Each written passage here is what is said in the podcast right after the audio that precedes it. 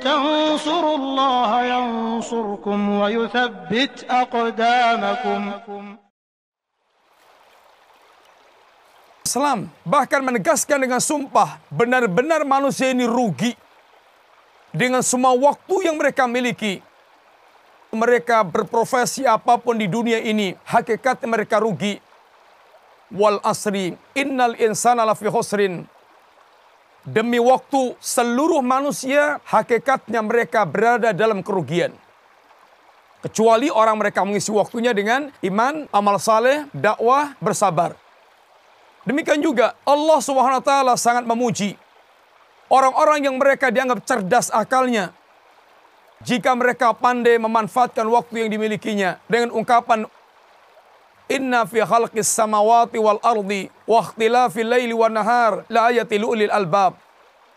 Dalam pencipta langit dan bumi, dalam bersilih gantinya siang dan malam, benar-benar ada tanda-tanda kekuasaan Allah bagi orang-orang yang mereka menggunakan akal pikiran mereka yang Allah menciptakan bergantinya siang dan malam dalam rangka untuk berzikir kepada Allah, dalam rangka mengambil pelajaran-pelajaran yang ada dalam rangka mensyukuri nikmat-nikmat Allah taala. Huwa alladhi ja'ala laila wan nahara khilfatan liman arada ayadzakkara aw arada syukura. Dialah Allah yang telah menjadikan bergantinya siang dan malam. Ini bagi orang yang mereka menginginkan, yaitu mengingat Allah. Mengambil pelajaran-pelajaran dalam kehidupan dan ingin mensyukuri nikmat-nikmat Allah Ta'ala. Alias bagaimana mereka mengisi waktunya untuk berzikir kepada Allah. Mentaati Allah, mensyukuri nikmat-nikmat Allah maka ulul albab, orang mereka betul-betul menggunakan waktunya untuk hal-hal yang demikian. Jangan sia-siakan waktu Anda dan jaga diri Anda dari menyanyiakan waktu disebabkan mengikuti hawa nafsu, disebabkan panjangnya angan-angan Anda, disebabkan lalai dari kematian, disebabkan bergelimang dalam fitnah-fitnah yang ada. Semoga Allah benar-benar menjadikan waktu kita waktu yang barakah, waktu yang manfaat.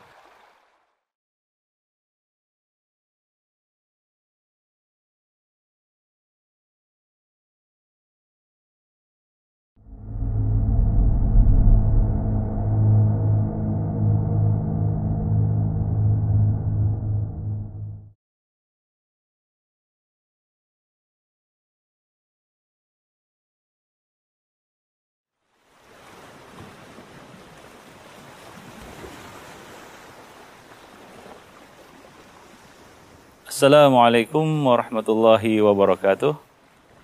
Para pemirsa yang berbahagia, tahukah Anda apa yang sangat diharapkan oleh seseorang yang baru berpindah dari alam dunia ke alam barzakh? Bukan harta, bukan pula istana yang dia tinggalkan, bukan pula istri cantik jelita yang sangat dia cintai, bukan pula makanan yang lezat, minuman yang nikmat, akan tapi dia berangan ketika dia berpindah dari alam dunia ke alam barzakh untuk kembali ke alam dunia agar dapat mengerjakan amal saleh.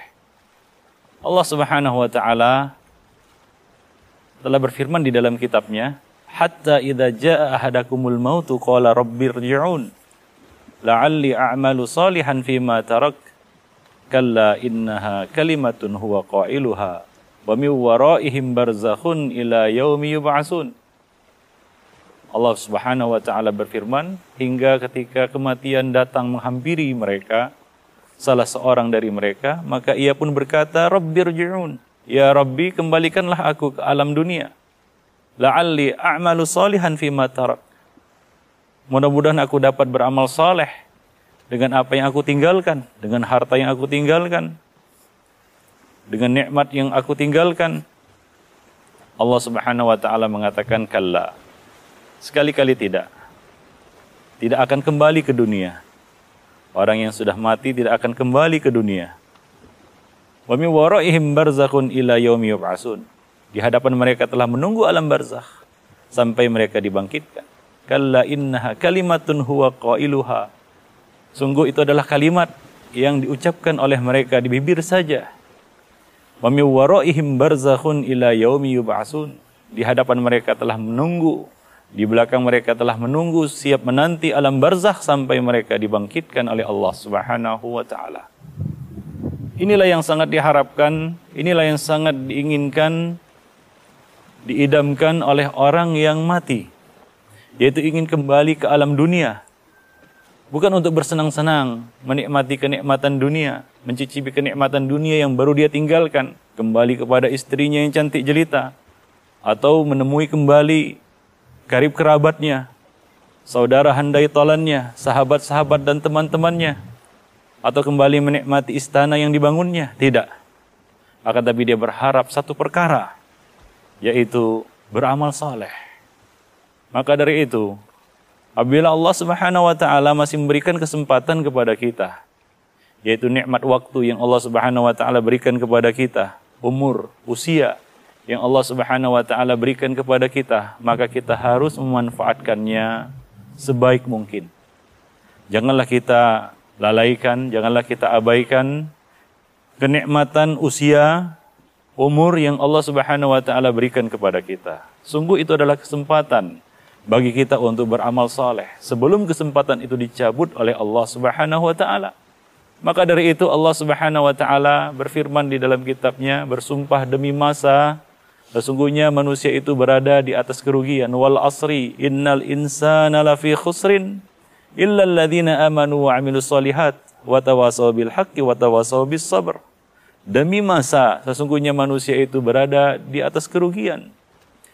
Kecuali orang-orang yang beriman dan beramal saleh, saling bernasihat di atas kebaik, kebenaran dan kesabaran. Itulah orang-orang yang selamat dari kerugian. Dia dapat memanfaatkan dengan baik kesempatan yang Allah berikan semasa dia hidup di dunia, yaitu dia gunakan untuk beriman dan beramal saleh, saling bernasihat saling berwasiat, saling berpesan, saling ingat mengingati di atas kebenaran dan dengan kesabaran. Jadi hendaknya kita dapat memanfaatkan kesempatan hidup yang Allah Subhanahu wa taala berikan. Sungguh ini adalah suatu nikmat yang sangat besar. Rasulullah sallallahu alaihi wasallam mengatakan dalam sebuah hadis, "Aktsiru min dzikri hadzimil ladzat." Perbanyaklah olehmu mengingat pemutus kenikmatan, yaitu al-maut, kematian. Apa yang diputus oleh nikmat eh, apa yang diputus oleh kematian? Nikmat apa yang diputus oleh kematian? Bukan nikmat makan dan minum. Bukan juga nikmat bercanda ya, dan bersenang-senang dengan istri ataupun dengan keluarga atau dengan teman-teman. Akan tapi nikmat kesempatan yang diputus oleh kematian, yaitu tidak ada lagi kesempatan bagi kita terputus seluruh amal ibadah kita ya dengan dengan datangnya kematian. Nabi SAW mengatakan, apabila mati anak Adam, ya, idza mata ibnu Adam, in qata'a anhu sairu amalih. Akan terputuslah seluruh amal amal solehnya, illa min thalath, kecuali dari tiga perkara. Di antaranya adalah sodakotun jariyah, kemudian ilmu yang bermanfaat, dan doa anak yang soleh untuknya. Maka gunakanlah kesempatan yang Allah Subhanahu wa taala berikan. Banyak manusia yang terlalai, lupa akan nikmat yang besar ini. Nabi SAW mengingatkan kepada kita nikmatani maghbunun fihi makathirun minan nas. Ada dua nikmat yang banyak memperdaya manusia, yaitu nikmat as-sihhatu wal farah. Nikmat kesehatan dan kelapangan waktu, kesempatan yang Allah berikan kita lalaikan. Coba perhatikan Firman Allah Subhanahu wa taala yang kita bacakan tadi, seorang yang meninggalkan alam dunia ingin kembali bercita-cita untuk beramal saleh. Itu keinginannya, tidak ada keinginan lain dia kembali ke dunia. Dia mengatakan la'alli a'malu salihan fima tarak. Mudah-mudahan aku dapat beramal saleh dengan apa yang aku tinggalkan. Ya Rab, kembalikan aku ke dunia sesaat saja untuk beramal saleh. Untuk mengatakan harta ini adalah wakaf.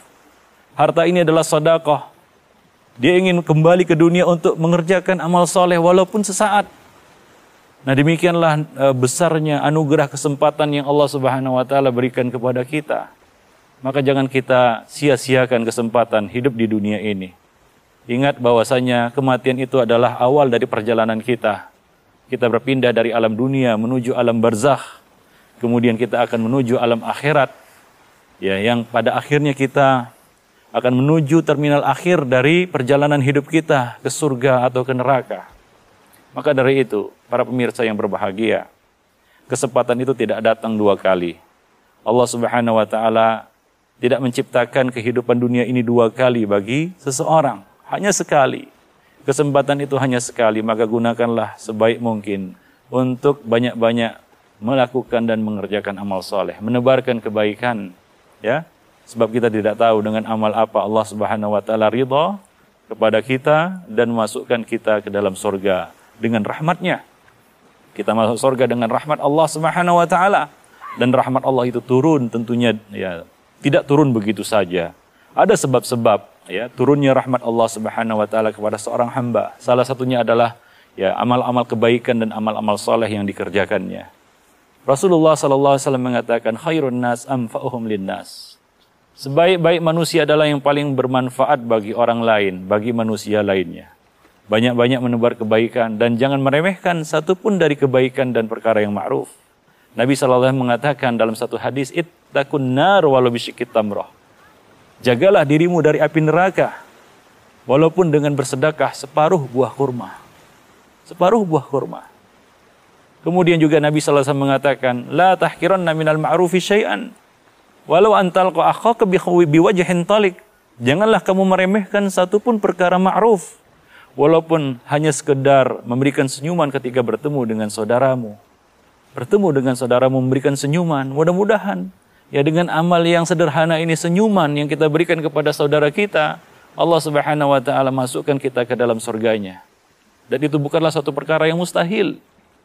Banyak orang-orang yang Allah Subhanahu wa taala masukkan ke dalam surga dengan amal-amal yang sederhana seperti dalam hadis Rasulullah wasallam mengatakan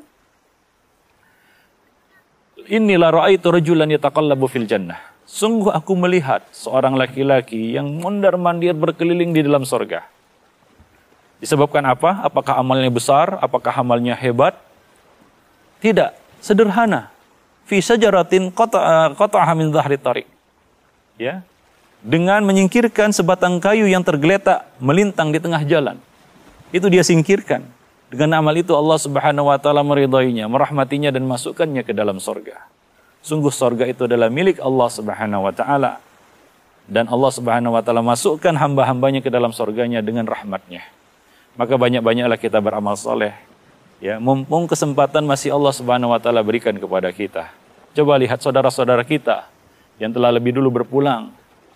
Ya, yang telah lebih dulu dipanggil oleh Allah Subhanahu wa taala, ajal telah menjemputnya. Bagaimana keinginan mereka yang sangat besar untuk kembali ke dunia? Untuk apa? Untuk beramal soleh Ya bukan untuk yang lainnya, bukan untuk bertemu dengan istrinya yang cantik jelita, bukan untuk kembali ke istananya yang megah, bukan untuk kembali mengendarai kendaraannya yang mewah, tidak. Tapi semata-mata untuk mengerjakan amal soleh. Di dalam hadis yang lain Rasulullah SAW menjelaskan tentang seorang yang mati syahid. Bagaimana keinginannya untuk kembali ke dunia, untuk mati syahid sekali lagi dan berkali-kali. Nah demikian ya. Seorang yang telah pergi meninggalkan dunia, mereka berangan-angan untuk kembali ke dunia ini agar dapat mendapatkan kesempatan, diberi kesempatan untuk beramal saleh. Ya, diberi kesempatan untuk beramal saleh. Maka dari itu kita yang masih Allah Subhanahu wa taala berikan kesempatan untuk beramal saleh, gunakanlah itu sebaik-baiknya. Janganlah kita termasuk hamba-hamba yang menyiakan nikmat Allah yaitu nikmat al-faragh, nikmat kelapangan waktu, kesempatan. Ini kita sia-siakan Ya kita habiskan hidup kita, usia kita, umur kita, waktu yang Allah berikan untuk hal-hal yang tidak bermanfaat atau sia-sia. Nabi SAW mengatakan min husni islamil mar'i tarkuhu malayani. Termasuk kebaikan Islam seseorang adalah dia meninggalkan perkara yang tidak bermanfaat.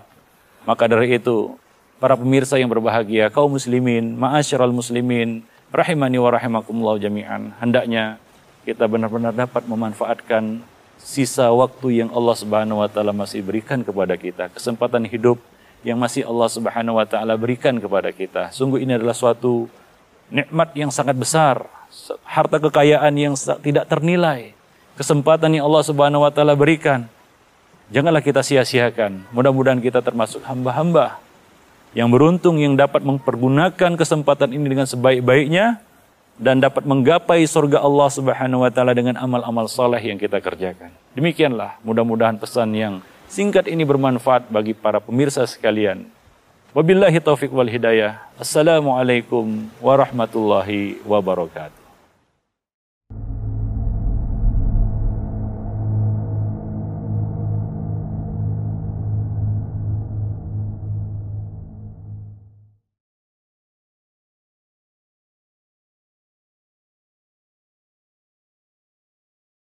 Donasi dakwah Yufid. Yuk berikan amal jariah terbaik Anda untuk dakwah dan pendidikan Islam.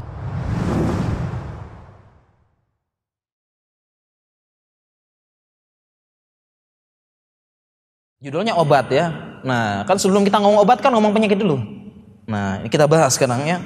Penyakit yang membuat pemuda menjadi lemah. Ya. Tentu saja kita bahas ini apa lemah? Ya, bisa lemah fisik ataupun lemah imannya, lemah hatinya bisa. Ya. Karena hati ini bisa membuat fisik jadi lemah. Ya. Kita bahas yang membuat jadi lemah. Yang pertama, ini yang membuat pemuda ini jadi lemah ini. Poin pertama ini. Pemuda kurang kegiatan positif dan terlalu banyak waktu luangnya. Ini sumber terbesar kerusakan pemuda katanya Syekh Utsaimin dalam buku beliau. Ya, sumber kerusakan pemuda terbesar adalah kurang kegiatan positif dan waktu luang. Ya. Kenapa? Saya bawakan di situ pernyataan dari Ibnu Qayyim ya. Ini kayak emasnya wa nafsuka in asgol taha bil haqi wa illa asgoluka bil batil. Yang namanya jiwa kita ini kalau kita tidak sibukkan dengan kebaikan pasti disibukkan dengan keburukan, tidak ada tengah-tengah. Tidak ada tengah, tengah-tengah. Ini kaedahnya ulama, kaedah psikologis. Sebenarnya kaedahnya ulama tuh banyak. Kaedah psikologisnya banyak dia. Nanti saya bawakan beberapa. Hanya saja kita cuma apa kita jarang buka ya. Jarang buka kaedah ulama. Bacanya malah apa? Bagaimana katanya apa nama katanya Napoleon gitu ya. Katanya Yomin siapa gitu ya. Filsuf dan sebagainya. Padahal ulama sudah banyak sekali ilmu-ilmu psikologisnya. Banyak. Kita tidak pernah buka cuma ya. Atau malah tokoh-tokoh fasik ini ya. Uh, perkataan artis apa gitu ya. Sesuatu dan sebagainya itu ya. Dihafal malah ya. Padahal ulama banyak kata-kata emasnya banyak. Nah ini salah satunya buat pemuda ini katanya coba kita ini di sini kalau ndak datang kajian kira-kira ngapain di rumah? Hmm. di rumah ngapain? Facebookan jelas. Ya ndak ya? Facebookan gitu kan ya atau yang lain. Atau main ke mana? Ke internet gitu ya. Internet gitu ya. Ya asal jangan sendiri. Ya. Atau ke mana? Jalan-jalan gitu ya. Karena tidak ini. Kalau kita tidak di sini kira-kira ngapain di kos? Atau tidur tiduran kan? Atau minimal melakukan apa? Hal-hal yang sia-sia tidak bermanfaat. Iya kan? Min husnil islamil mar'i tarkuhu nih. Salah satu dari kebaikan ya seorang Islam adalah meninggalkan yang tidak bermanfaat baginya baik dunia maupun akhirat ya. Ngobrol-ngobrol dan sebagainya ngobrol tidak jelas. Ya. Jadi ini kuncinya. Pemuda ini kuncinya. Cari kegiatan positif dan jangan sampai waktu luang. Makanya kalau kita lihat ya pemuda-pemuda sini ya yang ngebut-ngebutan di jalan ya. Kemudian apa lagi nyoret-nyoret tembok apa lagi ya. Atau cari perhatian jadi eksistensi apa ngapain? Ya rambutnya ya rambutnya disemir naik ke atas ya dan sebagainya pakai baju aneh-aneh. Ngebut-ngebutan di jalan. Kenapa? Cari perhatian intinya. Eksistensinya di perhatian. Tapi caranya sah salah caranya. Dan waktu luangnya nggak ada. Kerusakan pemuda di sini nggak ada waktu luang. Karena itu kita butuh ya pemuda butuh ya mengisi dengan waktu yang positif. Bagaimana caranya? Caranya adalah dengan membuat program dan target. Jadi kita ini diajarkan dalam Al-Quran harus punya target. Ya ayyuhallazina amanu taqullaha faltanzur nafsum ma qaddamat ligot. Maka wahai muslimin orang beriman, faltanzur perhatikanlah apa yang akan kamu kerjakan be besok. Ini ilmu psikologisnya. Kalau kita disuruh buat apa? Disuruh buat program dan target. Kuncinya Ya, disuruh buat program dan target. Makanya antum di sini mahasiswa ya, mahasiswa ya, sama kayak dulu mahasiswa target saya harus punya target dan program. Ya, faltanzur nafsu ma qadamat ligot. Kita lihat apa nanti program kita ke depan. Ngapain kita ke depan? Direncanain harus direncanain, itu perintah Al-Qur'an. Makanya antum-antum semua kita semua harus punya target. Saya selama kuliah di Jogja, TOEFL saya harus 600. Target. Saya selama di Jogja harus bisa bahasa Arab. Selama kuliah 4 tahun saya harus hafal 30 juz kalau misalnya. Gitu ya. Saya selama di Jogja ini ya harus hafal hadis arba'in lah minimal. Punya target-target positif. TOEFL 600 kenapa? Saya pengen sekolah di luar negeri nanti. Ya. Harus punya target begitu.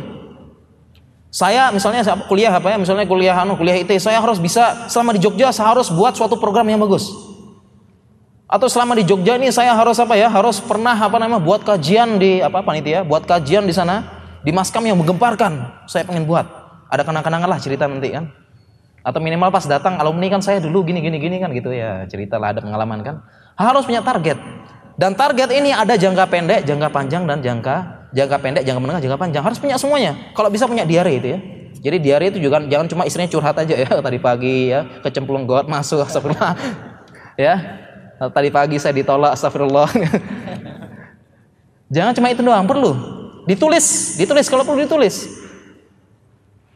Tulis target saya jangka pendek, jangka menengah, jangka panjang. Jangka pendek saya begini, saya punya waktu 6 bulan. 6 bulan saya harus bisa bahasa minimal bahasa dasar bahasa Arab. Ya, punya begini dan sebagainya. Ya, jangka pendek saya begini begini begini. Jangka menengah nanti saya sudah punya bisnis. Ya, saya di Jogja minimal sudah punya bisnis nih. Harus punya target. Jangka menengah saya nanti umur sekian menikah, habis itu begini dan sebagainya itu punya jangka panjang. Jangka panjang saya punya rumah besar, punya pondok pesantren nanti saya itu jangka panjang.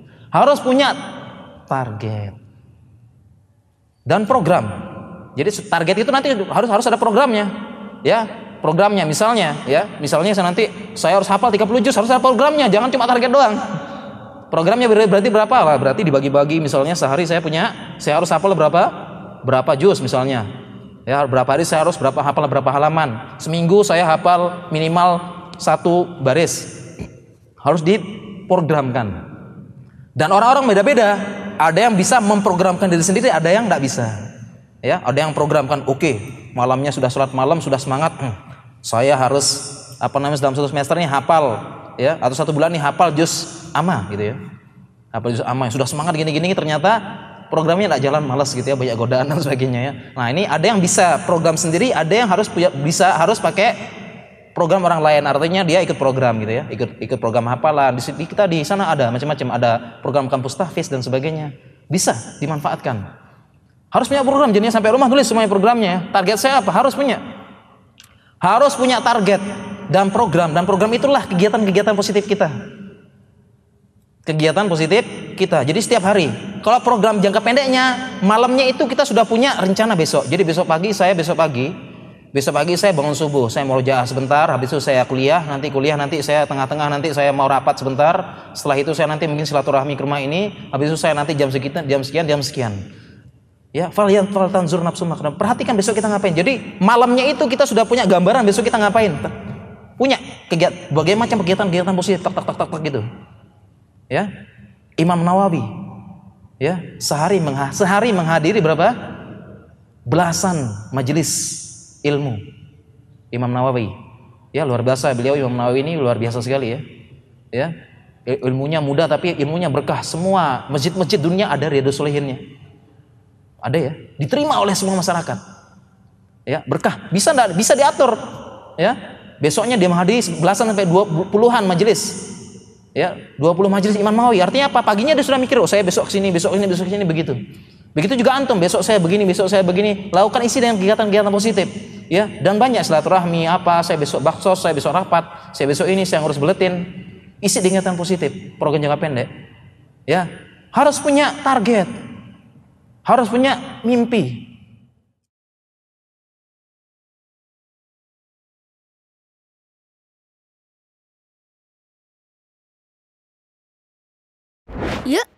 Dukung UFIT TV dengan belanja di UFIT Store. www.ufitstore.com Ada yang bertanya Afwan Ustadz mohon nasihatnya pada kami para pemuda dalam menjaga waktu untuk manfaat secara total dan mohon nasihat bagi kami yang saat ini sedang kuliah umum namun ingin menimba ilmu di Universitas Islam Madinah. Barakallahu fikum. Pertanyaan dan keinginan yang sangat baik sekali. Semoga Allah Subhanahu wa taala selalu menjaga antum yang bertanya ini dan kepada kita semua dalam kebaikan. Memanfaatkan waktu secara maksimal tentu ini merupakan taufik dari Allah. Maka mohonlah kepada Allah Subhanahu wa taala taufik dalam segala kebaikan termasuk dalam masalah memanfaatkan waktu luang. Ya kita sudah ketahui semua sabda Rasulullah sallallahu alaihi wasallam dalam hadis yang terkenal riwayat Imam Bukhari dan Muslim, nikmatani magbunun fihima katsirun minan nas as-sihhatu wal farag. Ada dua nikmat yang kebanyakan manusia tertipu atau merugi padanya yaitu kesehatan dan waktu luang. Saat ini hal-hal yang menyibukkan kita ya sehingga memanfaatkan waktu luang justru bukan dalam hal-hal yang menggunakan waktu luang bukan justru dalam hal-hal yang memberikan manfaat. Hal-hal yang memalingkan ini banyak. Terutama di antaranya antum ketahui adalah media sosial. Sehingga urusan kita semakin banyak. Sibuknya kita semakin banyak. Ini dikeluhkan oleh orang-orang yang sudah ya terbiasa melakukan kebaikan, apalagi orang-orang yang sedikit kegiatan-kegiatannya yang bermanfaat. Oleh karena itu dihindari hal-hal seperti ini. Jangan kita yang dihukumi, kita yang menghukuminya. Kita manfaatkan seperlunya. Jangan sampai ini menjadikan sebab waktu kita banyak terbuang, menjadikan masuknya tipu daya syaitan untuk ya menjadikan kita kurang dalam hal-hal yang bermanfaat, hal-hal yang menjadi sebab kebaikan agama kita disebabkan karena kesibukan kesibukan tersebut. Kemudian bagi yang eh, sedang kuliah umum namun ingin menimba ilmu di Universitas Islam Madinah, ya, antum bisa berusaha saat ini untuk mencari informasi tentang pendaftaran di Jamiah Islamiyah di Madinah, misalnya lewat internet yang saat ini juga dimudahkan karena pendaftarannya ada yang lewat internet atau dengan sebab-sebab yang lain menghubungi seorang ustadz yang mungkin bisa memberikan pengarahan dalam masalah ini. Karena sekarang yang saya ketahui pendaftarannya pun lebih dipermudah ya. Bisa lewat internet atau bagi yang punya biaya bisa lewat umroh kemudian dia ikut uh, mukabalah di sana. Alhamdulillah ini kemudahan dari Allah Subhanahu wa taala yang dengan taufiknya dengan mohon pertolongan kepada Allah insya Allah akan dimudahkan yang terbaik untuk untuk kita. Barakallahu fikum. Nah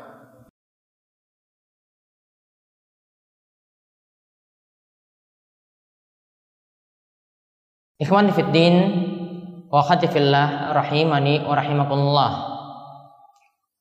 Di hari libur seperti ini, mungkin di antara saudara-saudara kita itu lebih senang meluangkan waktunya untuk pergi ke pantai, untuk pergi ke tempat-tempat hiburan atau di tempat-tempat yang menyenangkan yang lainnya. Namun alangkah baiknya atau sangat tepatnya jika kita bisa memanfaatkan momen-momen seperti ini untuk mengkaji ilmu-ilmu agama. Karena inilah yang jadi kesempatan yang berharga dibanding jika kita manfaatkannya ketika waktu-waktu kita sibuk. Waktu-waktu kita ya penuh dengan kesibukan ya pada saat hari-hari kerja, pada saat hari-hari kantor atau pada saat hari-hari kita itu sibuk di bangku kuliah. Alhamdulillah kajian-kajian seperti ini juga diambil kesempatan oleh para ulama. Mereka di waktu-waktu liburnya ya di waktu-waktu ya tanggal merah ataupun para mahasiswa itu uh, mengambil liburan mereka mengadakan gedaurah mereka mengadakan, kajian selama satu pekan ya selama liburan tersebut atau bahkan sampai satu bulan penuh. Di antara ulama juga ada yang mengambil kesempatan seperti itu. Intinya marilah kita memanfaatkan waktu kita untuk hal-hal yang bermanfaat. Ya sebagaimana kata Nabi Shallallahu Alaihi Wasallam dalam hadis riwayat Tirmizi dan hadisnya itu adalah hadis yang hasan. Beliau Shallallahu Alaihi Wasallam itu bersabda min husni islamil mar'i tarkuhu ma di antara tanda kebaikan seorang muslim dia itu meninggalkan hal yang tidak bermanfaat untuknya ya di antara tanda kebaikan seorang muslim adalah dia meninggalkan hal yang tidak bermanfaat untuknya. Maka di antara bentuknya Nabi Shallallahu Alaihi Wasallam itu melarang dua hal. pada waktu malam yaitu pada dua waktu sebelum sholat isya dan sesudah sholat isya.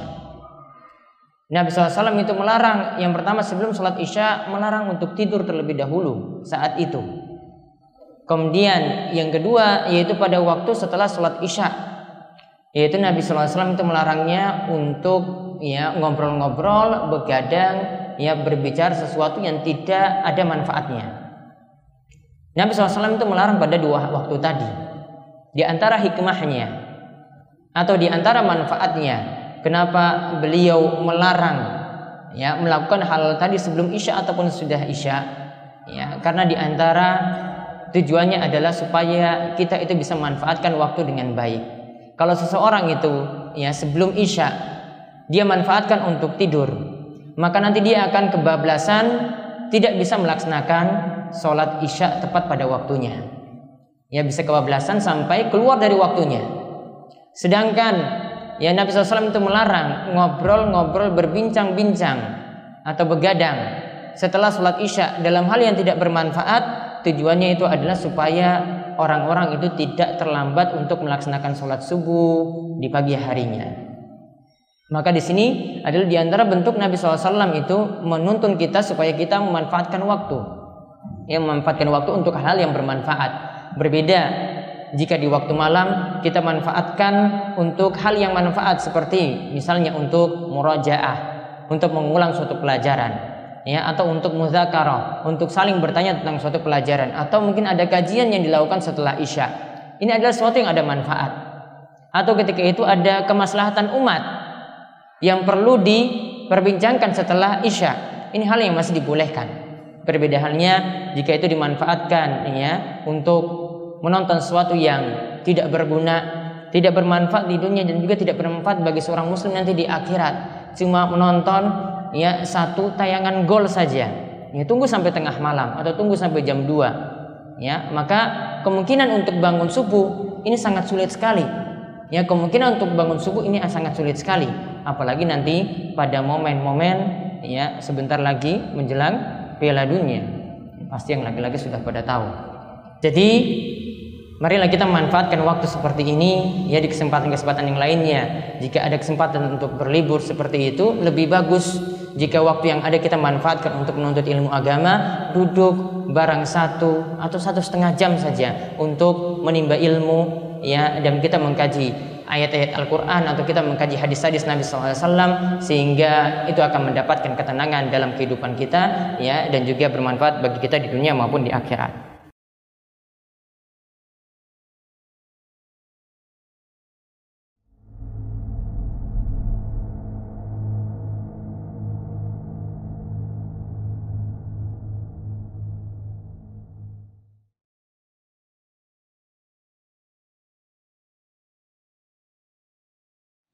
Waktu adalah sesuatu yang paling berharga. Tapi dia sekarang ini menjadi sesuatu yang paling murah di tengah-tengah kita. Kita biasa melewati waktu demi waktu tanpa ada faedah apa pun. Bahkan kita biasa menghabiskan waktu demi waktu dalam perkara yang mendatangkan mudarat. Dan aku tidak sedang membicarakan satu orang saja tapi aku sedang membicarakan kaum muslimin secara umum. Sekarang ini sangat disayangkan sekali. Mereka dalam keadaan lengah, terlena, dan lupa. Mereka tidak bersungguh-sungguh dalam perkara agama mereka.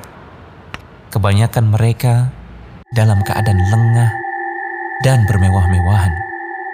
Yang mereka lihat adalah apa yang bisa memanjakan badan mereka walaupun harus merusak agama mereka. Dan untuk wahai saudaraku, yang sedang mendengar pesan ini, bila keadaan di atas menimpamu, maka cepatlah berubah sebelum semuanya tinggal kenangan dan penyesalan. Ingatlah selalu firman Allah Subhanahu wa taala, "Hatta idza jaa ahadahumul maut, qala rabbirji'un." لعلي اعمل صالحا فيما تركت كلا innaha kalimatun huwa qailuha. Hingga ketika kematian mendatangi salah seorang dari mereka, dia mengatakan, Ya Rab, kembalikanlah aku ke dunia lagi, sehingga aku bisa beramal saleh pada apa yang dulu kutinggalkan. Tentu itu tidak mungkin, tapi sungguh kalimat itu akan dia katakan.